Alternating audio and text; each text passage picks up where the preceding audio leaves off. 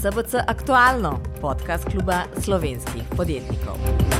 Dober dan in lepo zdrav vsem skupaj na današnjem posvetu Varuha človekovih pravic Republike Slovenije o človekovih pravicah v gospodarstvu, na katerem bomo poseben podarek dali razpravi o predlogu direktive EU o skrbnem pregledu v podjetjih glede trajnosti in o pomenu priprave nacionalne zakonodaje, ki bo, zato si vsaj prizadevamo, učinkovito naslovila varstvo človekovih pravic in okolja v podjetjih in to na način, ki bo smiselen za poslovanje podjetij. Posvet varuha človekovih pravic se organiziramo skupaj s klubom slovenskih podjetnikov in z društvom za sonaravni razvoj Fokus. Hvala obema za odlično sodelovanje. Cilj posveta je, da ob zaključku vsi udeleženci pridobimo znanje in informacije, ki nam bodo pomagali pri našem nadaljem delu in prizadevanjih. Moje ime je Simona Drinik Bavdak in bom moderirala današnji posvet. Sedaj pa kar dajem v okviru tega uvodnega panela besedo varuhu človekovih pravic Republike Slovenije, gospodu Petru Svetini. Izvolite. Ja ni problema. Uh, dobro jutro in lepo pozdravljeni. Uh, iskrena hvala uh, klubu za gostoljubje. Uh, Varuh človekovih pravic Republike Slovenije je tudi nacionalna inštitucija za človekove pravice in po pariških načelih imamo status A in imamo skozi to tudi ne zgolj pristojnost, ampak tudi dožnost promocije in zagovarjanja človekovih pravic v vseh porah življenja. Človekove pravice so univerzalne in ne razlikujejo med človekovimi pravicami v negospodarstvu ali gospodarstvu. Govorimo o človekovih pravicah in takrat, ko o tem govorimo, govorimo o dostojanstvu in vrednotah. Tega pa ne moremo izraziti ne v alinejah, ne v številkah, ker vrednostni sistem niso klasične bilance. Zato me veseli, da je to vedno bolj prepoznavno in prihaja v zavedanje predvsem vodstvenih ljudi v gospodarstvu. Prehajamo iz obdobja družbene odgovornosti z vidika donacij v obdobje zavedanja, da je v prvi vrsti človek, da delamo in živimo skupaj, ter da je naša skupna dobrobit in blagostanje odvisno od vsakega posameznika v družbi. Vse bolj je namreč jasno, da spoštovanje in varovanje človekovih pravic in okolja ni zgolj obveza države, temveč tudi odgovornost gospodarstva. Spoštovanje dostojanstva vsakega človeka ki je udeležen v procesu, je zelo pomembna in ena izmed stvari, ki se jih bomo vodje v času hitrega sveta zagotovo težko navadili, je v trenutnem noveli zakona o delovnih razmerjih pravica do odklopa, tako naših sodelavcev, kot tudi nas. Vedno znova poudarjam, da budimo drug drugemu človek, da naj se v vseh svojih dejanjih zavedamo, da v vesolju nismo sami. Zato sem vesel in ponosen, da v sodelovanju z vsemi tukaj prisotnimi organiziramo prvega v nizu posvetov o spoštovanju človekovih pravic v gospodarstvu. Trdno namreč verjamem, da se bomo poslušali in slišali, da bomo skupaj ustvarjali boljšo in solidarnejšo družbo v zavedanju naše skupne odgovornosti za človeka in okolje. Prav v letošnjem letu mineva 75 let od sprejema splošne deklaracije o človekovih pravicah in zato je današnji dogodek še bolj pomemben. Zato iskrena hvala res vsem, ki ste prepoznali pomembnosti teme in se nam pridružili tako fizično tukaj ali pa nas spremljate preko video prenosa. Zahvala društvu Fokus, predvsem pa hvala ministru Hanu, gospodu Akrapoviču, Bošnjak, Brodnjaku in vsem pomembnim akterjem v slovenskem prostoru na področju gospodarstva, vsem pa, ki se niso uspeli udeležiti, pa sporočilo, da so zamudili verjetno dobro priložnost za svoj razvoj in razvoj sektorjev, ki jih vodijo in upravljajo. Osebno se močno zauzemam, da bi vsa slovenska podjetja v delni ali večinski državni lasti podpisala zavezo k spoštovanju človekovih pravic pri poslovanju in bila tako dober zgled celotnemu gospodarstvu. V poslovnih praksah se namreč prepogosto dogaja, da so vprašanja spoštovanja človekovih pravic in zaščite okolja prezrta. Zauzemam se tudi, da bi celotni javni sektor z vso državno upravo, občinami in različnimi javnimi službami sprejel zavezo za spoštovanje okolja in človekovih pravic pri svojem poslovanju. Ne zgolj gospodarstvo, ampak javni sektor v celoti. Poznamo eh, primere in zahteve do gospodarstva, da mora meriti oglični vtis. Jaz ne poznam v Sloveniji enega javnega zavoda, ki bi to moral ali pa ministerstva. Skrajni čas je, da se na ravni Evropske unije sprejme trdna zakonodaja, ki bo od podjetij zahtevala skrben pregled spoštovanja standardov človekovih pravic in varstva okolja. Današnji posvet pa naj bo prvi korak k tesnejšemu sodelovanju vseh deležnikov pri spoštovanju človekovih pravic v gospodarstvu in ne nazadnje v celotni družbi. Hvala. Hvala lepa, varuh človekovih pravic, za te navdihujoče besede. Sedaj dajem besedo dr. Marku Bitencu, članu um, Eh, društva, eh, Združenja eh, kluba slovenskih podjetnikov za uvodni nagovor oziroma pozdrav. Ja, jaz sem član upravnega odbora kluba slovenskih podjetnikov in naš predsednik, gospod Jos Pečečnik, je odsoten, pa me je prosil, da vas jaz kot predstavnik gostitelja pozdravim. Pomembna tema, mi člani kluba slovenskih podjetnikov, ki smo podjetniki, kot lasniki podjetij, ki imamo, mislim, da naša podjetja že kar nekaj deset tisoč zaposlenih, vemo, kako je eh, pomembno področje spoštovanja človekovih pravic. Hrati se sproti zavedamo, da, je, da so človekove pravice tako nekaj samo po sebi, eh, sami po sebi umevnega, eh, pa kljub temu očitno potrebujemo dokumente, papirja, eh, besedila, regulativo, evropsko direktivo in verjetno tudi zakon v Sloveniji, ki bo sankcioniral kršitve. Eh, to nam veliko pove o značaju v človeški duši, da ne glede na to, da so človekove pravice temelj, temeljna pravica, tudi zapisana v Eh, svetovni eh, združenih narodih, eh, se moramo s tem ukvarjati in cilj bomo dosegli šele, ko bomo te lepe besede samo v sebi omenjene ponotranili na vseh nivojih, v gospodarstvu, v javnem sektorju, v šolstvu, v družbenem življenju. Presenetljivo je, da se v državi ali pa v državah, ki imajo že vrsto let eh, demokratično ureditev, kar pomeni, da našim državam dejansko vlada ljudstvo, saj ljudstvo izbira na neposrednih volitvah svoje predstavnike, ki vodijo državo. Presenetljivo je, da se moramo kljub temu še vedno, ko sami vodimo državo, ukvarjati s človekovimi pravicami. Jaz si želim in verjamem, da bomo sposobni v najkrajšem času vso regulativo, ki piše na evropskem nivoju ali pa ko bo pisala v slovenskem nivoju, ponotranjiti in to ponotranjiti je izpričevati vsak dan v vsakem okolju z dejanji. Klub slovenskih podjetnikov je izjemno počaščen, da je varuh človekovih pravic zbral prav našo organizacijo za ta prvi posvet in mi se s tem zavezujemo, da bomo sledili njegovim idejam, Eh, njegovi, njegovim aktivnostim pri borbi, da se človekove pravice v gospodarstvu spravijo tudi v regulativni okvir, da bomo to spremljali in ga podpirali. Hvala vsem, ki ste prišli. Hvala lepa. Naš naslednji govornik pa je minister za gospodarstvo, turizem in šport, gospod Matjaš Han. Veseli nas, da se je odzval na naše vabilo in da bo z nami delil poglede ministrstva glede obravnavane tematike. Izvolite, beseda je vaša. Najprej en lep uh, dober dan. Uh, dovolite mi, da predno se pozdravim in tako naprej, da, da, vam, da nam čestitam, vam čestitam v današnjem prazniku.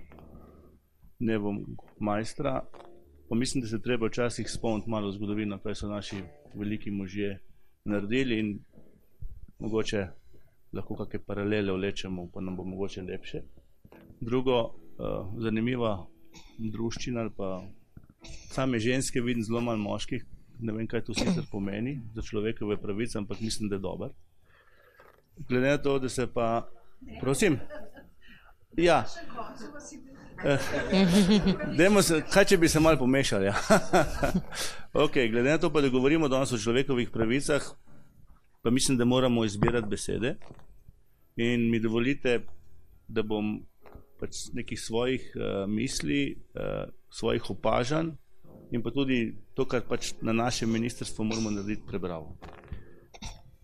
Um, zdaj, seveda, hvala lepa za organizacijo in za ta posvet. In mislim, da je to več, kot sem pričakoval. Naše ministrstvo je seveda upeto v, v obravnavo tako imenovane te direktive o skrbnem pogledu v podjetjih glede trajnosti, tukaj se potem vse skupaj navezuje. To bo seveda prineslo kar nekaj novosti eh, za gospodarstvo. Upam, da tudi obilo, obilo pozitivnih posledic za celotno družbo in pa seveda tudi za okolje, v katerem živimo. In to se mi zdi seveda ključno. Ravnoteže, gospe in gospodje, med, med eh, dobrobitjo okolja, gospodarstva, ljudi je vedno, po moje, zdaj, odkar sem na tej funkciji težko, težko na nek način uloviti. Zato mislim, da je dobro, da so takšni posveti in da najdemo neko skupno, skupno rešitev. Ker treba je najti neko, nek, mogoče kompromis za človekove pravice, pregroba beseda, ampak govorimo o, o trajnosti kot, kot celoti. Uh, mal kritike, ne do vas, do Evrope. Uh, kot minister za gospodarstvo sicer težko razumem, težnje Evropske unije po pretirani regulaciji vsega, ampak res vsega, kar počnemo. Jaz mislim, da nam ta naša Evropa, na katero imamo seveda eh, veliko pozitivnih zadev, nam regulira vse. Druge celine ali pa, če lahko reči, tega problema nimajo in zato so, bom rekel, tudi problem konkurenčnosti. To pa mu govoriti kot minister za uh, gospodarstvo. Meni, da na ta način Evropa in njena podjetja uh, ne more biti konkurenčna na tem globalnem, globalnem nivoju in globalne spremembe se spreminjajo, ali mi to želimo ali mi ne. Uh, in to je tisto, ali pa tisto ravnotežje, ki ga pač moramo tudi v naši državi ali pa v, tudi v Evropi uh, na nek način najti smo pa res v situaciji, ko slovenska podjetja poslujejo pod različnimi pogoji. To že zdaj, kljub dejstvu, da delujejo na tako imenovanem enotnem trgu Evropske unije. Nekatere večje države so že začele sprejemati različne nacionalne zakonodaje na področju tega skrbnega pregleda trajnosti. To nekatere Nemčije, rečemo, že to, to ima. To pa seveda v praksi pomeni, da nekatera naša podjetja, slovenska, ki imajo, da nimamo poslovne partnerje z Nemčijo, ne, morajo to že, eh, te njihove eh, zahteve že zdaj na nek način uh, uh, skrbno pregledati, upoštevati, dočim druga podjetja v Sloveniji tega ne naredijo. Ni mi moramo tle narediti na nek način uh, enotno za vsa, uh, za vsa naša, naša podjetja. Uh, besed, besedi enotni trg in raz, razdobljenost na nek način enostavno ne gre sta skupaj. Ne? Ker temelj konkurence za moje pojme, in tukaj se bojo verjetno gospodarstveniki ali pa se strinjate, so namreč enaki pogoji za vse. To je potem, da lahko na tem trgih in tako naprej nasploh tekmujemo. Zato si seveda na našem ministrstvu prizadevamo resnično, da te sistematične ureditve za vse države eh, članice v Evropi postanejo za vse enake. Zato, da bomo bili približno vsaj na štartni liniji v enem delu, bom rekel, eh, vse države enake. Uh, nedvomno pa to, kar in to, kar uh, spoštovanega uh, varuha človekove pravice podpiram in tudi moje življenje je tako naravnano, Nedvomno pa si moramo seveda eh, prizadevati, da za izboljšanje spoštovanja človekovih pravic. Vsi smo enaki in vsi imamo iste pravice, vsi imamo iste odgovornosti in to se mi zdi ključno. In to moram reči, da varuh že vrsto let, uh, bom rekel, daje dobre temelje, da gremo v to smer. Seveda pa moramo zaradi ne samo nas, ampak tudi naslednjih generacij govoriti o varstvu okolja. In to se mi zdi, po mojem, ključno. In uh, tako kot sem rekel, vse to, kar zagovarjamo v nekem osebnem življenju, ne, moramo, po moje, preliti tudi v uh, poslovno uh, življenje ali pa poslovno okolje. In vem, da uh, večina med vami ne, um, to že dela in rabimo nobenih uh, uh, zapisov, uh, regulacij in tako naprej, ampak to nekateri delajo. Nekateri pa pač to izkoriščajo. Evropska unija uh, želi s to direktivo v skrbnem pogledu v podjetjih glede trajnosti zagotoviti seveda tudi prihod na uh, tako imenovano zeleno uh, gospodarstvo, ker je to v skladu z, nek, z Evropskim zelenim dogovorom. Minister, mikrofon. Aha, mikrofon, dobro. Vseeno pa menim, da moramo biti v teh pogajanjih, ki bodo zdaj v Evropi, In to mi je tudi, ko je tudi večkrat nastopamo z gospodom Brodnjakom v zadnjem obdobju, mi moramo biti slovenci, kljub temu, da nas je dva milijona in smo čist enak narod, kot tudi Nemci ali pa Poljaki, biti samozavestni in uh, zagovarjati naše poglede, bom rekel, jasno, z dvigeno glavo, ker nimamo nobene uh, potrebe, da bi glavo dal dol in da bi uh, sledili nekaterim državam, ki mogoče ne grejo v pravo smer. Tako da tukaj res apeliram, uh, predvsem na nas politike, in sem že bil malo v Evropi, ne, treba je pač povedati tisto, kar mislimo, da je dobro za naše ljudi in pa seveda za našo državo. Uh, kot že veste, direktiva o skrbnem pregledu v podjetjih glede trajnosti, nadgradnja uh, te direktive glede poročanja. Uh, Zdaj, kar se tiče našega eh, ministrstva, mi seveda preučujemo vse te komentarje, ki smo jih dobili v javni razpravi. Uh, verjamem, da bo marsikatera eh, ta direktiva, ki se bo prenesla, kakšno podjetje spravilo v kakšno bo breme, ampak problem je, da ne smemo narediti, da, bo, da bojo to breme nosila samo največja podjetja, ne? vsi ostali pa ne. Jaz mislim, da mora biti ne glede na velikost podjetja, pravila igre za vse. Ali veliko podjetje spoštuje človekove pravice in skrb za okolje in isto navaden manjši podjetnik ima dva zaposlena. To se mi zdi, to je moj pogled, vsi moramo biti isti. Če smo lahko države, bom rekel, iste, potem moramo biti tudi uh, podjetja. Um, tako da mogoče uh, še To, v glavnem, mi na našem ministrstvu bomo seveda uh, zdaj aktivno sodelovali pri tem sprejemanju teh uh, direktiv. Takšna, uh, uh, takšni pogovori, kot so danes, med nami so tudi dve moje sodelavke, si to seveda bodo vse uh, vaše poglede, vaše razmišljanja tudi uh, zapisale uh, in potem bomo mi na podlagi vsega tega, kar bo zbranega in kar se zahvaljujem uh, tudi uh, tebi, uh, varuh, na nek način potem skupaj zagovarjali uh, v Evropi. Uh, mogoče sam še, pa bom pa. Jaz, mogoče sam še to. Jaz želim, da pridemo z vsemi deležniki uh, skupaj do enega konsenza, kjer bomo potem na podlagi direktive in na podlagi potem uh, to, kar bomo sprejeli v, v državnih zakonodaji, eh, da bo to dobro za gospodarstvo. Zdaj, kot resorni minister sem dal na prvo vrsto, ampak se upravičujem, da bo dobro za ljudi in da bo dobro tudi za okolje. To se mi zdi, po moje, ključno. Ne moramo zdaj, po moje, si ne moramo več prvoščiti, da bomo uh, uh, te tri uh, zadeve, se pravi gospodarstvo, ljudi in okolje izključevali. Jaz mislim, da mora biti to. Uh,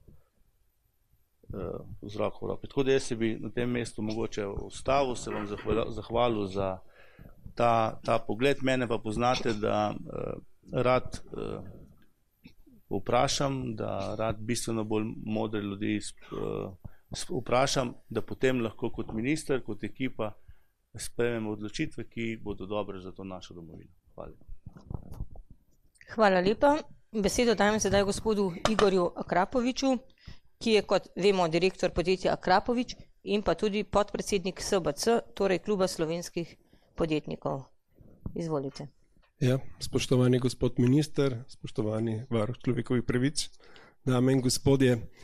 Uh, mogoče bi jaz kar nadaljeval od te teme, ki je gospod minister že načel.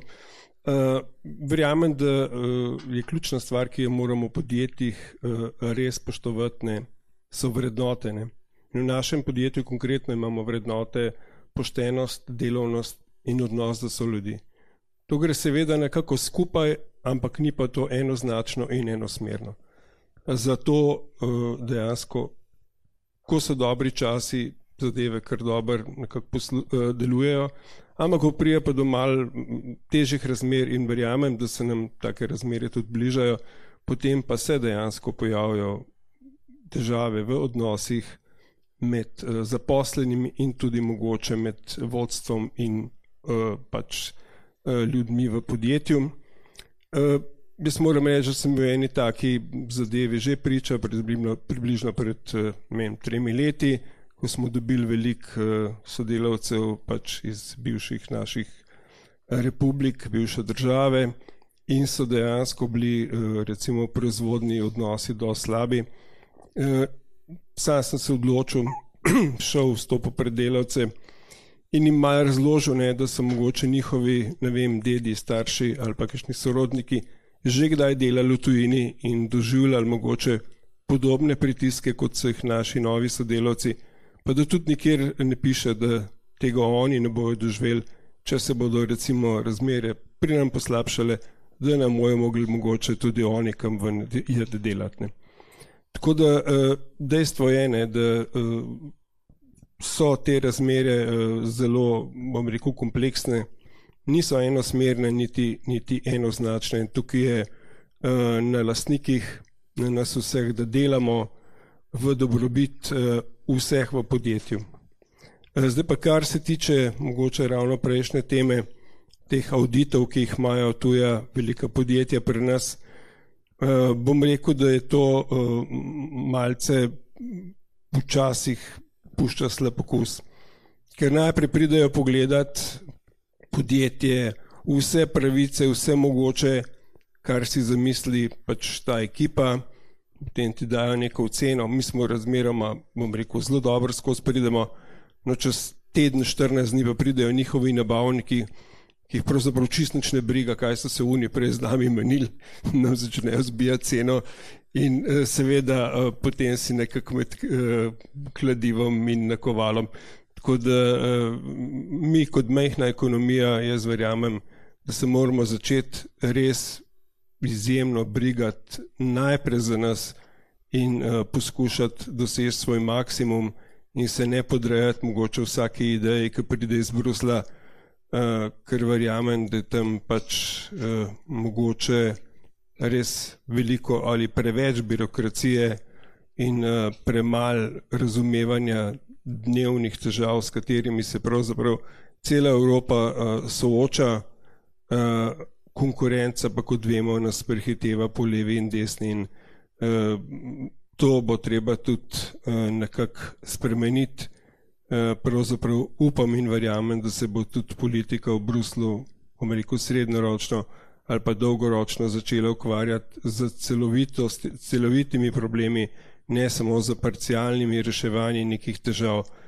V Sloveniji vemo, da je bilo kar nekaj problemov z nekaj podjetij, ki jih lahko naštejemo, mogoče na prste, ne vem, mogoče jih je 20-30 in zdaj seveda doživljamo, da bomo mogli pač vsi uh, narediti korenite spremembe in pač sprejeti te ukrepe, uh, tako da verjamem, da jih ne bomo zakomplicirali do tazga nivoja, da se bomo res ukvarjali samo še z, z njimi, z birokracijo, ampak da bomo lahko tudi ob tem normalno delali. No, toliko z moja strani, pa hvala. Hvala lepa. Dejansko pomembno je pri vsej zakonodaji, ki se nanaša na gospodarstvo, upoštevati tudi mnenje uporabnikov, kot se reče, torej podjetij, da je zakonodaja izvedljiva, podjetjem prijazna, hkrati pa dosega svoj cilj. Zdaj dajem besedo naši uh, naslednji predstavnici soorganizatorja, uh, torej Društva Fokus, in to je magistr Živi Kavka Govo. Izvolite. Ja, hvala za besedo, lep pozdrav. Če govorimo o ravnotežju med moškimi in ženskimi, na tej strani je malo drugače kot na tisti. No, jaz pa prihajam iz drugega sektorja, torej ne iz gospodarstva in sem zelo vesela, da smo se končno uspeli usesti, to, kar se mi zdi ključnega pomena, to, da se v bistvu tudi tisti, ki imamo iz različnih Eh, različna ozadja, različne poglede, različne stališča, mogoče se usedemo in se pogovarjamo, ker na koncu lahko gotovimo, da v bistvu stališča niti niso tako zelo različna, kot uh, jih vidimo na začetku. Pa bomo začeli mogoče z druge strani. Začeli smo govoriti mogoče uh, o konkurenčnosti in o regulaciji. Jaz verjamem, da je, ne bom se niti spuščala v birokratizacijo Evropske unije, se mi zdi, da zdaj pač ni dan za to. Uh, lahko samo omenim, da smo imeli lani novembra ekspedicijo v Bolivijo, ker pač regulative take ni in smo šli ravno po poteh deforestacije in dejansko, kar smo ugotovili, je, da vkolikor ni vsaj neke regulacije na področju poseganja v prostor, na področju človekovih pravic, se lahko zgodi uh, kaos. Mislim, res spoštovanje človekovih pravic je lahko uh, na minimumu, vkolikor ni vsaj družba taka, da sama poskrbi za njih in ravno in okolje tudi je kljub nacionalnim zakonodajam lahko zelo trpi v teh primerih. Eh, podobno lahko rečem za različne raziskave, ki kažejo, kaj se v bistvu po svetu dogaja v različnih panogah, eh, kljub prostovoljnim zavezam čokoladne industrije, poenostavljeno rečeno, pred več kot desetimi leti je v bistvu poraslo število otrok, ki delajo na plantažah kakava. Imamo že dva milijona otrok, ki so v prisilnih delovnih razmerjih. Na svetu obstaja približno 20, med 25 uh, eh, milijonov ljudi, ki so upeti v spone prisilnega dela. To so v bistvu številke, ki niso zanemarljive, sploh danes, ki smo tako povezani v globalno gospodarstvo. Uh, zato smo v bistvu v okoljski organizaciji Fokus in tudi v bistvu pravični trgovini Slovenije, zdaj že več kot deset let si prizadevamo, da bi nekako dvignili glas okolja, ki je načeloma neslišen, podneb, uh, podnebne pravičnosti in pa seveda ljudi, ki nimajo glasu, torej tistih ljudi, ki delajo na koncu nekih dobavnih verik izdelkov, s katerimi se v bistvu vsak dan uh, ukvarjamo.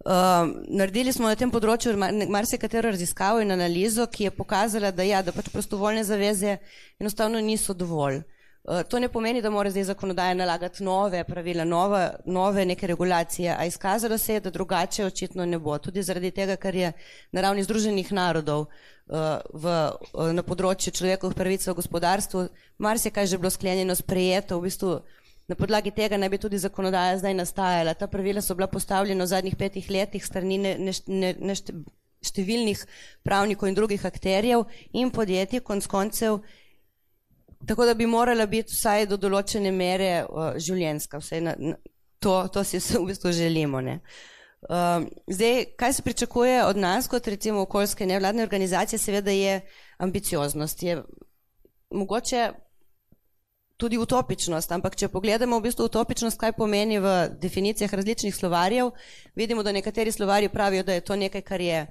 možno, nekaj, kar je idealno, neka vizija, razen v Sloveniji pravi, da je tudi nekaj, kar je neuresničljivo, tako da mogoče to odseva tudi nekako stališče naše družbe. Ampak menimo, da se je treba v bistvu k tem nekako nagibati.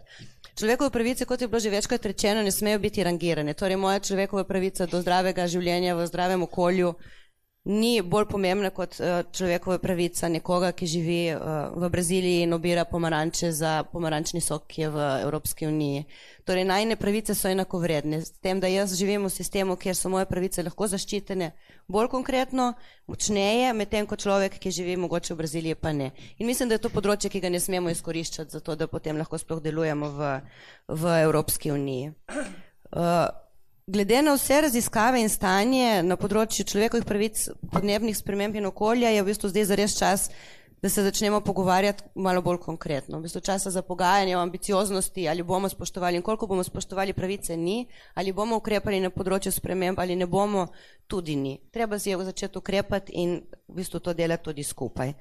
Zato pa se mi zdi, da je pomembno, da danes končno sedimo tukaj in konkretno se pogovarjamo tudi o nekih ključnih točkah te zakonodaje ki naj bi ščitile ravno te najšipkejše, torej tiste, ki so imetnike pravic, če jih tako imenujemo, tiste, ki so jim te pravice kršene. Uh, zakonodaja naj bi ponudila tudi možnost odkrivanja kršitev, če ni kršitev, super, če pa so, da imajo ljudje možnost pristopiti do nekih mehanizmov, ki so pri nas tudi, da se lahko te pravice popravijo.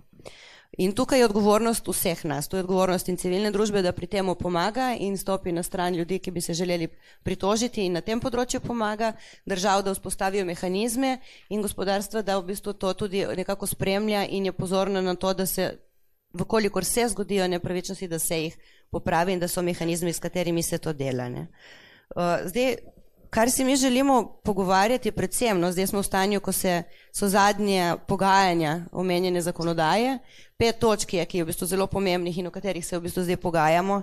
In to so sicer katera podjetja oziroma koliko podjetij bo zavezanih. V Sloveniji je dejstvo, da je večina podjetij srednjih in malih, kljub temu, da so velika podjetja, ki uh, pokrivajo velik del zaposlenih na no, konc koncev.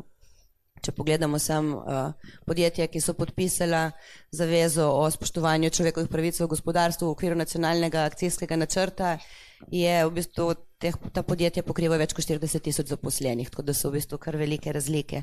Je pa veliko sodelovanja v okviru Evropske unije, kar pomeni, da je pomembno za vsa podjetja, saj se gre tudi za vprašanje globine, torej do kje bo segala odgovornost, ali je podjetje odgovorno za svojega prvega dobavitelja ali do konca vrednostne verige.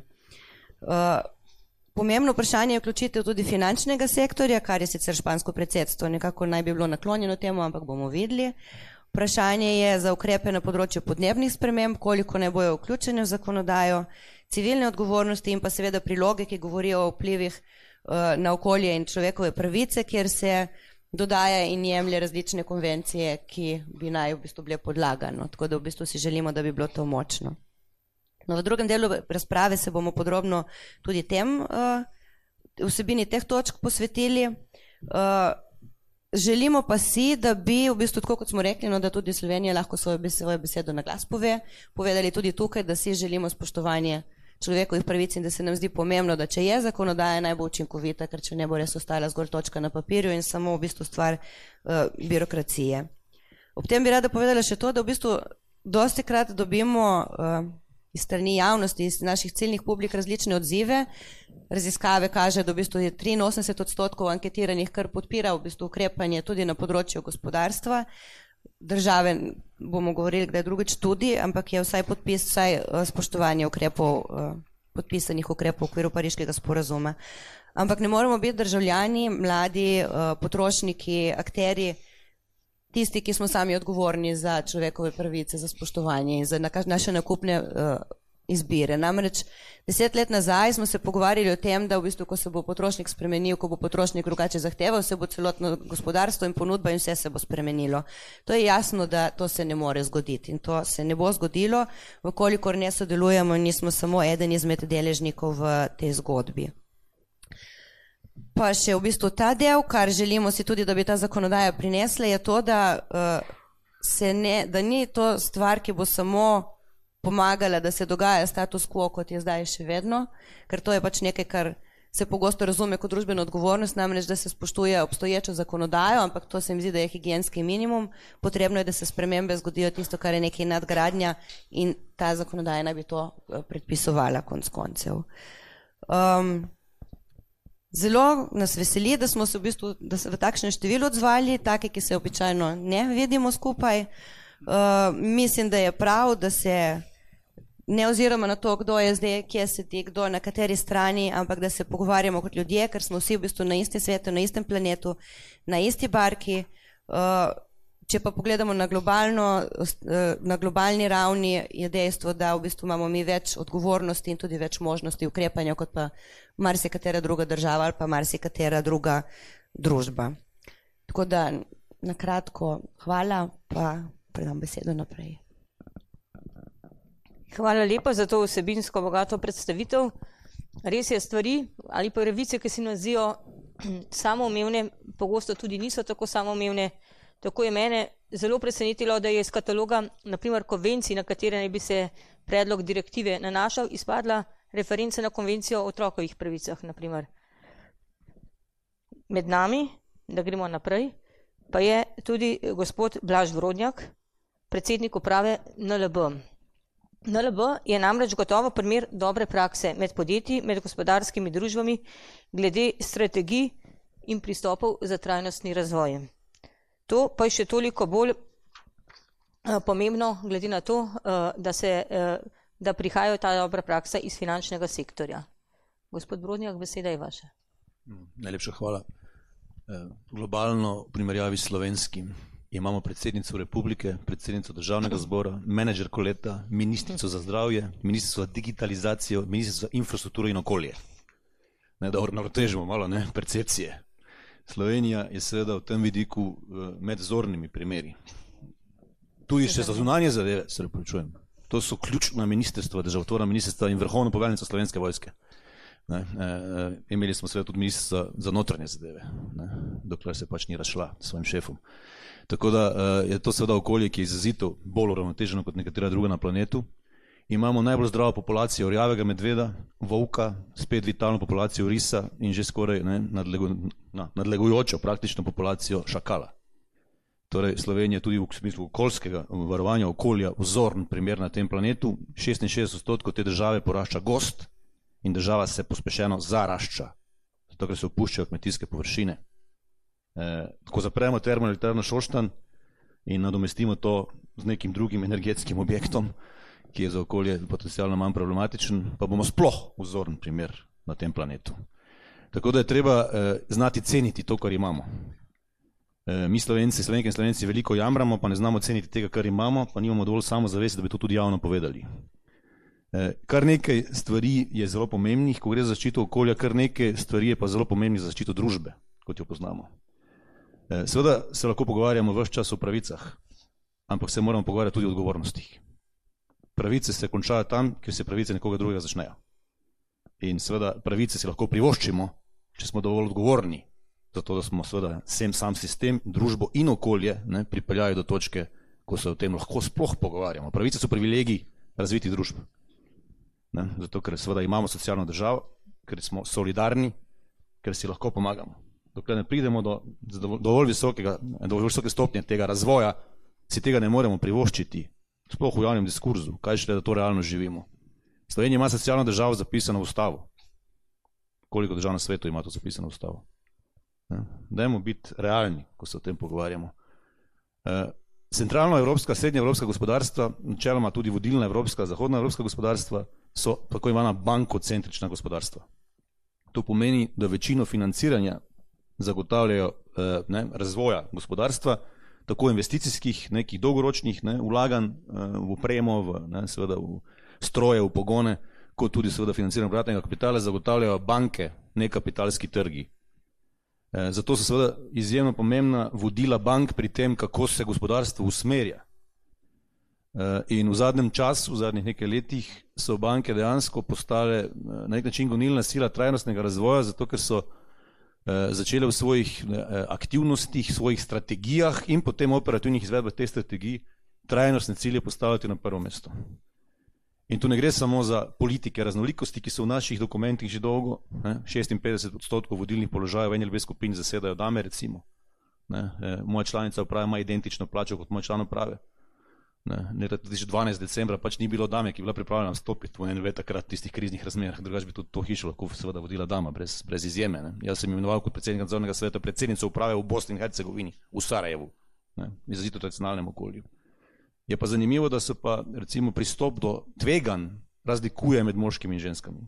To vam pa vam lahko iz osebne izkušnje povem, ker sem identificiral izjemno kakovostno kandidatko za predsednico uprave v Severni Makedoniji, ki je bila članica uprave v eni drugi banki in je rekla, veste, tam sem zelo dobro pozicioniran 15 let in ne bom prevzela tveganja predsednice v novem okolju.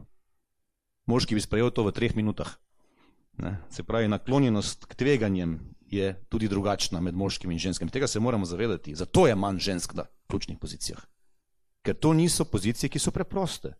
Morate razumeti kazenski in očkodninski kontekst vodstvenih položajev. Zato se tudi veliko žensk, ki so hkrati seveda tudi mame, težje odloči za prevzemanje tovrstnih tveganj. Zato jih je tudi manj na vodilnih položajih, ne pa zato, ker jim moški tega ne dovoljujemo. Ne? Zato sem jaz striktno nasprotnik uvedbe obveznih kvot. To ni meritokratsko. To pomeni, da nimajo moški enakih možnosti. To je pozitivna diskriminacija. Zato, ker moraš izpolnjevati en atribut, ki je specifičen samo tebi in če ga nekdo drug ne izpolnjuje, nima enake možnosti za tvoj položaj. Pika. So to enake možnosti? Je to vključenost? Je to raznolikost ali kaj je to? Ne? Ne, dajmo se pač o teh stvarih res glasno pogovarjati. Kvote niso rešitev. Rešitev je upismenjevanje, rešitev je aktivni dialog. Ne? Na ključnih položajih želimo primerne ljudi, ne ljudi, ki izpolnjujejo atribut. To ni pravi odgovor. Absolutno ni pravi odgovor. E, torej, NLB se je že pred leti odločila, da bo, kot rečeno, trajnostni razvoj ne, v prvem planu. E, mi smo seveda tudi edina družba iz Srednje Evrope, oziroma iz tega našega dela Evrope, jugoshodne Evrope, katere delnice kotirajo na londonski borzi in imamo vlagatelje praktično iz vsega sveta. Iz Združenih držav Amerike, Velike Britanije, Skandinavije, Singapurja, Azije, širše, Bližnjega vzhoda, Južne Afrike in seveda Srednje Evrope. E, vlagatelji so finančni vlagatelji, skladi, ki, pre, ki sprejemajo denar ne, fizičnih oseb in podjetij in ga vlagajo potem naprej. Ti skladi v zadnjem obdobju izrazito v prvi plan dajo tudi seveda trajnostne principe razvoja in mnogi med njimi sploh več ne vlagajo v podjetja, recimo, ki recimo niso pridobila e, tako imenega ESG, ODU, kakor, kakorkoli že to imenujemo, ratinga, strani mednarodne rating agencije. Pravi, mi smo NL kot NLB prva banka v regiji, v regiji ki je pridobila tako imenovani ESG rating. Ne, strani Sustainalytics agencije, ki to pač pripravlja. Ne. In verjemite, pregledajo te praktično ne, od skrajnega levega konca do skrajnega desnega konca in tu gre za vse možne seveda pristope trajnostnega razvoja, ne samo okoljevarstvene teme, kjer smo se zavezali, da ne bomo financirali na premogu slonečih tehnologij že pred leti, ne, tudi ne filtre na dimnikih, ampak bomo seveda financirali projekte, kjer se zmanjšuje porabo energije in projekte, kjer se energijo proizvaja z obnovljivimi viri. Ne. E, do tega, da pogledajo seveda tudi payment gap, se pravi razlike med plač, v prejemkih med spoli, ne, do ne, tega, kako kakovostno se upravlja hišo, kdo so tisti, ki sedijo v nadzornih svetih, kdo so tisti, ki sedijo v upravah, ne, so to res neodvisni umi z dovolj strokovnimi kompetencami, ne, e, do tega, kako lasten oglični vtis meriš, se pravi, mi merimo lasten oglični vtis, ne, mi nabavljamo elektriko samo še iz obnovljivih virov pri dobaviteljih, zmanjšali smo porabo papirja za 56% ali več ne, v zadnjih nekaj letih, se pravi z digitalizacijo in tako naprej. Ne, naši kolegi sadijo drevesa po vsej regiji, podpiramo dogodke, ki so na temu trajnostnega razvoja, okoljevarstvene teme in vse, in vse ostalo. E, in seveda pa je to izziv, če to počnejo samo javne delniške družbe in če to počnejo samo banke. Ne. Tista stvar, ki zdaj seveda se tiče širšega gospodarskega okolja, je, da, bank, da bodo banke to zahtevale od svojih strank. Se pravi, naše stranke bodo morale, če bodo želeli pridobiti posojila v bodoče v bankocentričnem gospodarskem modelu, ne, ravno tako meriti svoje emisije, ravno tako si postaviti ambiciozne sile za zmanjševanje teh emisij, ne, ravno tako spoštovati osnovne principe vključenosti, raznolikosti, ne, enakosti prejemkov in tako naprej, če bodo želeli sploh kandidirati za posojila. Se pravi, banke bodo dejansko gonilo v bankocentričnem gospodarskem modelu, ne, kako se bomo vsi skupaj kot gospodarstvo in družba vedli. In zdaj bom tu zaključil. Kar nam pa izrazito skrbi, pa je seveda, da nam pa države, ne gospodarstvo, vodijo ljudje, ki se ničesar od tega ne držijo. Ampak ničesar. Ti lahko nekoga odsloviš, zakaj? Mislim, to, to, to je farsa. To, kar se dogaja v zadnjem obdobju, je farsa. Tudi demokracija ima svoje omejitve. Sedem ministrstv in začasno celo vlado vodijo ljudje, ki niso bili izvoljeni za to. Štiri ministrstva sta v rokah ljudi, ki so mu jim kot narod pokazali vrata. Vrata. Ne? Predsednik vlade je potrudno nekdo, ki je komaj prešel čez prak teh vrat. Ne, se pravi, se moramo tudi vprašati o odgovornosti, ne samo o pravicah. Kdo ima pravico voditi narod? Na kak način smo prišli do te točke, da vodi narod? Ne? Ali smo narod, ali imamo potem nek družbeni dogovor o tem, kako nam bo nekdo upravljal ta narod, ali nimamo, ker smo bili izigrani ravno kar. Ali imamo volilni sistem za nič, ali nam pa gledajo obraz in nam lažejo. Ne? In to pa več ni hec. Kako ne zaupamo takim ljudem, kako se ne mi ukvarjamo, da bomo mi čisti, ne? higienični, kompetentni, ne vem kaj vse, ko pa se nam to dogaja. Ne, in se potem sprejemajo ukrepi, ki jih sprejemajo taki ljudje, ki jim nismo dali mandata, ki seveda krnijo konkurenčno sposobnost gospodarstva, ki krni sposobnost ustvarjanja blagostanja, s katerim lahko naslavljamo pravice. Ljudje mi lahko imamo večji obseg pravic, samo če več ustvarimo. Na trajnostni način. No, zdaj bom pa zaključil res. Trajnostni način pa pomeni ljudje, da bomo mogoče celo malo manj čokolade jedli, ne samo spraševali, kdo je tam pobral. Ne? Bomo jedli suhe krhlje iz kozjanskega po zimi, ne pa goji jagode iz Peruja. Ne? To je pa trajnost, lokalna samo preskrba in potem pa nastopi drug vidik trajnostni, ne? E, papeški, ne? mi ne bomo več ruskega plina uvažali, bomo pač norveškega, ne? greenwashing, norvežani si vozijo Tesle, pa nam pridigajo v okolju, prodajo nam pa plin pa nafto, celemu svetu. Ne? Spet eno od tegov, verjeti treba, vsi moramo več verjeti, da to, kar ljudje počnejo, je avtentično in iskreno, ne pa da nas nategujejo, nategujejo nas, ne. Nategujejo nas na veliko. Ti isti, ki trdijo, da so zeleni, nam prodajajo to. Ne.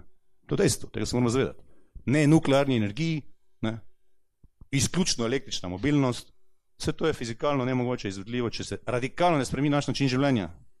Moja babica ni imela mobilnega telefona, ni imela računalnika in je jedla samo, kar si je doma sama pridelala. To je trajnost, če se želimo resno te teme lotiti. Ne? Samo nisem pripričan, da smo se pripravljeni tako na ta način lotiti. Spremeniti radikalno način življenja. Konec konzumerizmu. Zavezan sem se pred petimi leti odločil, da ne kupim nič, kar res ne rabim. Zdaj pa to je že muka, ne? ker za mojo soprogo doma je že to problem, ne z otroki tudi. Ne? Ampak če ne bomo vsi tega naredili na ta način, kolektivno, na planetarni ravni, pa bo to težko, ker imamo države še na, še na tem planetu, ki še ne hrepenijo po takem blagostanju, kot ga imamo mi in bodo še seveda še nekaj desetletij hrepenele in se bo zato tam z ogličnim otisom ukvarjalo zelo, zelo malo. Evropa se bo pa seveda izrazito in s tem se moramo mi vprašati, kakšno usodo bomo na tem planetarnem ne, kontekstu doživeli. Evropsko gospodarstvo je pred 15 leti bilo večje od gospodarstva Združenih držav Amerike, danes je tretjino manjše družba starih razvajenih ljudi s preveč dopusta in premalo otroki. V Sloveniji lani rojenih 17400 otrok, umrlo 22500 ljudi. 7000 ljudi več se je upokojilo, kot je pričelo delati. Razliko zapiramo za priseljevanjem. Zdaj pa res zaključujem, smo pripravljeni, da bo v retečah pri Škofi Loki na mesto po goveji juhi dišalo po kariju. V Slovenijo se bo priselilo 250 tisoč ljudi. Hvala. Hvala lepa za te tudi zelo zanimive istočnice za nadaljno razpravo. Vsi sogovorniki so dali vsaki svojega vidika res eh, veliko različnih pogledov. Eh, odpiram razpravo. Želim si, da bi sploh predstavniki gospodarstva delili z nami svoje poglede, tudi dobre prakse. Um, vsi drugi pa, uh, da podate morda stališča z strani institucij, uh, kjer delate, oziroma stališča organizacij. Izvolite.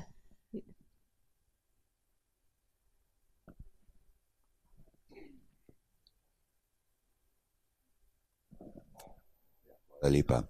Um, jaz sem še enkrat bom izrazil tisto zadovoljstvo, ki sem ga na začetku, da v bistvu uh, smo tudi uh, inštitucija varuha človekovih pravic zbrali to energijo pa voljo, da smo ta, eh, to vsebino vrgli v slovenski prostor in da smo se tukaj usedli ljudje, eh, ki, kot je rekel eh, gospod Brodnjak, pa predvsem vi ste rekli, ne, da se ne srečujemo in zdaj ste, smo vsi slišali v bistvu lahko, da govorimo čisto različne jezike in da se v bistvu govorimo o različnih stvarih hvala vam vsakemu, ki ste dali svoj uh, prispevek k temu. Strinjamo se s tem, da so človekove pravice uh, pomembne. Uh, strinjamo se, sem nekje zaznal, da govorimo o vrednotah.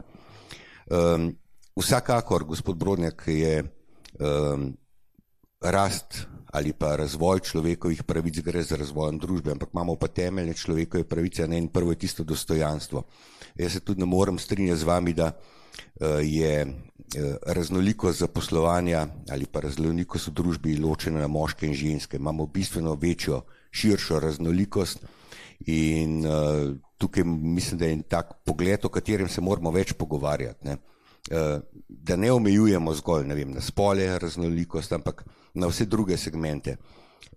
Res je, da je Slovenija, kar se tiče skrbi za naravo, zelo visoko v evropskem prostoru. Sami ste omenjali sicer, da je uh, se kmetijske površine zmanjšujejo, manj je te proizvodnje, ampak po drugi strani pa sadite drevesa. Ne? Se pravi, zdaj moramo mi tukaj vse najti nek način, da ne gremo v nek mainstream, uh, kaj so. Uh, zaradi tega, če ne vem, je v amazonskih gozdovih posekanje, pri nas je pa zaraščevanje, je vseeno, če pri nas potem dreves ne sadimo. Ne? Ampak bi šli mogoče rajš um, v neko akcijo um, čiščenja um, površin, ki bi se lahko potem uporabljala za kmetijstvo. Ne? Se pravi, ta globalni pogled, ampak meni je zelo pomembno v tem delu, da rečemo ja, da začnemo se pogovarjati, dajmo se večkrat dobiti, dajmo večkrat pogledati, uh, kakšne vsebine so. Zato bi tudi moj v prvem delu, ko sem uh, rekel, da uh, meni je jasno, da gospodarstvo, predvsem finančni sektor, ne, ne na zadnje sem bil tudi sam zaposlovalec, eno je bilanca, ki jo imamo, eno so številke, človekove pravice, so pa dostojanstvo, so pa vrednote in to se v bilanco enostavno ne da spraviti. To niso alineje, to niso številke. In uh, govorimo o vrednotah, govorimo o vrednotah zahodnega sveta in Slovenija kot uh, razvita družba mora pogledati na to. Ampak se pa strinjam z vami, da pa najprej bomo pa morali začeti razmišljati o tem, a bomo res čokolado jedli. Ne? Ampak vseeno ima tisti otrok tam nekje pravice, tako kot otrok pri nas. In to mora biti tisto zavedanje. Ne dolžnost, ampak ta pravica. Govorimo o teh osnovnih, temeljnih človekovih pravicah, o temeljni listini o človekovih pravicah. Hvala lepa. Malo smo že na tesno s časom uh, za prvi odmor, pa vendarle bi vzeli morda eno, dva komentarja. Kar dvignete roko. Izvolite, Eva Tomič. Hvala lepa. Iva Tomič iz Urada predsednice Republike Slovenije. Uh, nisem se mogla ne odzvati na nekatere polemične uh, misli. Uh, jaz opažam v, pač v svojem okolju, da uh, se ženske res redkeje odločajo, recimo za mednarodna sodniška mesta. To me je zelo dolg časa begal, zakaj je temu tako. In potem sem v pogovorih z enimi in drugimi um, ljudmi, ki so skozi te procese šli, ugotovila, da ženska najprej pomisli na družino in kako se bo njena družina zdaj prilagodila temu okolju v tujini. Zdaj, seveda, posplošujem, ne, so izjeme. Ampak moški pa reče, ja, temu sem pa jaz kos, gremo to in družina se pol prilagodi. Zdaj sem zelo karikirano povedala, ampak hočem reči, da to, kar vi imenujete, da ženske ne, pre, ne znamo prevzemati tvegan, uh, izvira iz družbenih ulog, ki jih imamo, ne zdaj iz neke genetske predeterminiranosti. In to je to, o čem se pogovarjamo, da ko govorimo o kvotah, ne govorimo o tem, da mora zdaj slabša ženska biti izbrana na neko pozicijo a, napram boljšemu moškemu. Govorimo o tem, da če sta kandidata enako kompetentna in če imamo premalo žensk v ne vem, a, podjetju, ki je v instituciji, izbermo žensko ampak govorimo o enakih kompetencah. Sem tako se hotla uh, pojasniti. Uh, predsednica bo vodila delegacijo na 28. kopu, ki se bo začel čez par tednov. Ena od slovenskih prioritet tam je tudi vključevanje razumevanja človekovih pravic v boj zoper podnebne spremembe, ker a, pravica do zdravega in čistega okolja je človekova pravica, pravica do čistega zraka, pravica do vode, ki jo imamo v ustavi zapisano. Um, in jaz mislim, da je zelo pomembno, da se o tem pogovarjamo tako doma kot v tujini in prav je, da imamo različne poglede. Uh, se mi zdi pa najbolj pomembno, da se res o tem pogovarjamo in to argumentirano. Vsak s svojimi argumenti. Meni je bilo danes zelo zanimivo slišati vaše um, glavne težave, Um, zelo mi sem vzela na znanje um, uh, glede konkurenčnosti skrbi, uh, ampak mislim, da ta konkurenčnost se bo začela tudi izražati na način, da če slovenska podjetja ne bojo izpolnjevala teh EU standardov za zeleni prihod, žal ne bojo sploh uh, več kompatibilna za uh, udeležbo v postopkih izbire. Tako da govorimo o več vidikih, je pa vsekakor zahteven proces in um, hvala, mislim, da tudi ta pogovor varuh um, je pravi korak v pravo smer. Hvala lepa. Hvala lepa, doktor Vite. Ja, hvala eh, za besedo. Eh, tudi jaz sem navdušen eh, nad tem, da sem imel danes priložnost sedeti na tem, na tem posvetu in to je res zanimiva tema. In se bom v svojem zdaj govoru nanašal na nastop gospoda Brodnjaka. Človekove pravice ne, temeljijo na vrednotah, na vrednotah, ki jih ne bi ponotranil vsak državljan. Kje začnemo graditi vrednote pri svojem bodočem davkoplačevalcu? V družini. V družini, ne, v družini, kjer imaš vpliv uh, dednega potencijala, ne, na to, kar ne moramo vplivati, ne, kakšne geni si podvedel od staršev in potem jasno ključni element, da se starši v resnici ukvarjajo z otrokom v času, ko je najbolj primeren. In vsi vemo, da starši lahko najpomembneje vplivajo na otroka pri vzgoji z lastnim vzorom. Če želijo na otroka vplivati z lastnim vzorom, pa naj morajo imeti za to ustrezen čas, ustrezen čas imajo, če so ustrezno preskrbljeni. To je eh, zlasti na podlagi izvajanja ne, gospoda Borodnjaka. Eh, si upam trditi, in to je tudi on omenil v svojem govoru, da, so, eh, da je spoštovanje človekovih pravic zelo neposredno odvisno od ravni blagostanja v družbi, pa ne samo od ravni blagostanja, ampak tudi od razporejenosti blagostanja v družbi. To se pravi, blagostanje mora biti pravično in enakomerno razporejeno nad na vse sloje, tudi v demokratični sodobni družbi, ki vemo, da nimamo samo enega sloja, ne glede na to, kaj si z lepimi besedami govorimo. In spoštovanje človekovih pravic je najbolj ogroženo v trenutku, ko blagostanje pade, ampak še bolj, če se razlike v blagostanju med družbenimi skupinami povečujejo. Da imamo blagostanje in mi seveda danes živimo v enormno dobrem blagostanju, eh, blagostanje ali pa padec ravni blagostanja je tisti odnovni dejavnik, ki ga lahko spremljamo zgodovinsko ali pa tudi danes širše po svetu, je razlog, da lahko čez noč vsi elementi vrednot, ki se tičejo človekovih pravic, ugasnejo ali pa padejo. Zato je pomembno, a ne to, kar nam je gospod Brovnjak povedal, da če že mi želimo govoriti ne, o človekovih pravicah, ne, more družba skrbeti za to, da je blagostanje v družbi čim više in da je čim bolj enako prerasporeno. In če želimo to doseči, seveda mora država zagotavljati ne blagostanje, ampak primerne, primerna okolja za razvoj in za uh, tiste, ki ustvarjajo dodano vrednost v družbi. Ne, to se pravi za podjetnike, ki morajo zagotavljati na prvem mestu dobičkonosnost in na drugem mestu visoke plače.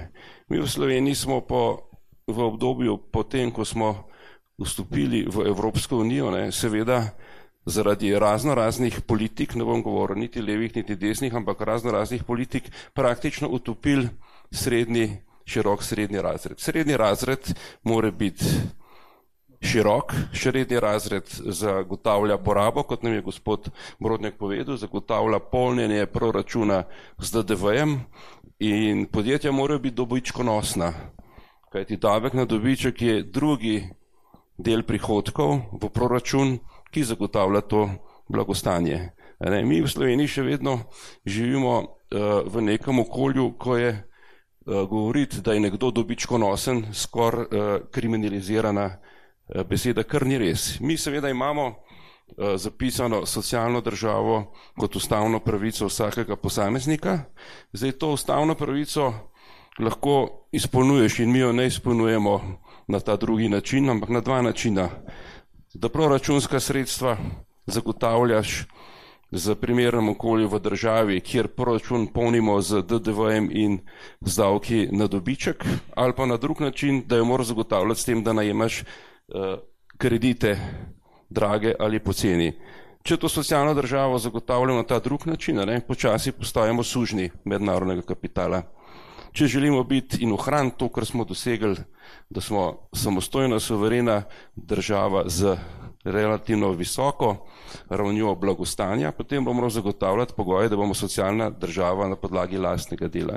In se spet vračam na gospoda Borodnjaka, ne, če želimo to doseči, da ne bomo socialna država zaradi kreditov, ampak zaradi lastnega znanja in lastne požrtovalnosti, potem moramo tudi tako prosvetliti volilno telo, da bo vsake štiri leta na rednih volitvah volilo za vodstvene funkcije v državi take ljudi, ki bojo dali ali pa zagotavljali veliko verjetnost, da bomo ostali socialna država na lasten račun, ne pa na račun tega, da bomo plačevali drage obresti za kredite. Tako da jaz pozdravljam ta in se moramo zavedati, da človekove pravice so vedno na visokem nivoju, ko je blagostanje visoko, če pride revščina ali pa konflikti, potem čez noč človekove pravice ugasno in nam nobena evropska direktiva ali pa lastna zakonodaja ne more pomagati.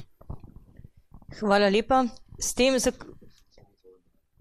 res na kratko, ker bi s tem zaključili ta prvi del, bo pa še veliko časa za razpravo v drugem delu. Izvolite. Ja. Ker moram iti. Uh, kompetentni ljudje ne potrebujejo kot. Kompetentni ljudje ne potrebujejo kot. Na kraj pameti mi ne pade, da ne bi imel dame. Sem omenil predsednico uprave Sarajevo, članico, mestnico predsednice uprave Banja Luki, kandidatka za predsednico uprave v Severni Makedoniji, zelo tradicionalne družbe takoj, brez kakšnega koli pomisleka, imenujem damo. Ne? Ampak kompetentni ljudje ne potrebujejo kvot, kar pomeni, potrebujejo kompetentne ljudi, zato ker so zaključili s tem. Družbene podsisteme nam vodijo voditi kompetentni ljudje in ti bodo poskrbeli, da kvote ne bodo potrebne. Podjetja nam morajo voditi kompetentni ljudje in ti bodo poskrbeli, da nam kvote ne bodo potrebne. Sicer je pa Slovenija druga najbolj regulatorna družba na planetu po Džinjevem koeficientu, potrebujemo samo tri mikroprijeme, da bomo malo konkurenčnejši in mi znamo redistribuirati premoženje zelo, zelo kvalitetno. Slovenske plače so najbolj obdavčene na svetu, najvišje, najbolj na svetu. Tem se vzame največ na svetu in se to razdeli v socialno državo. Hvala lepa. SBC aktualno, podcast kluba slovenskih podjetnikov.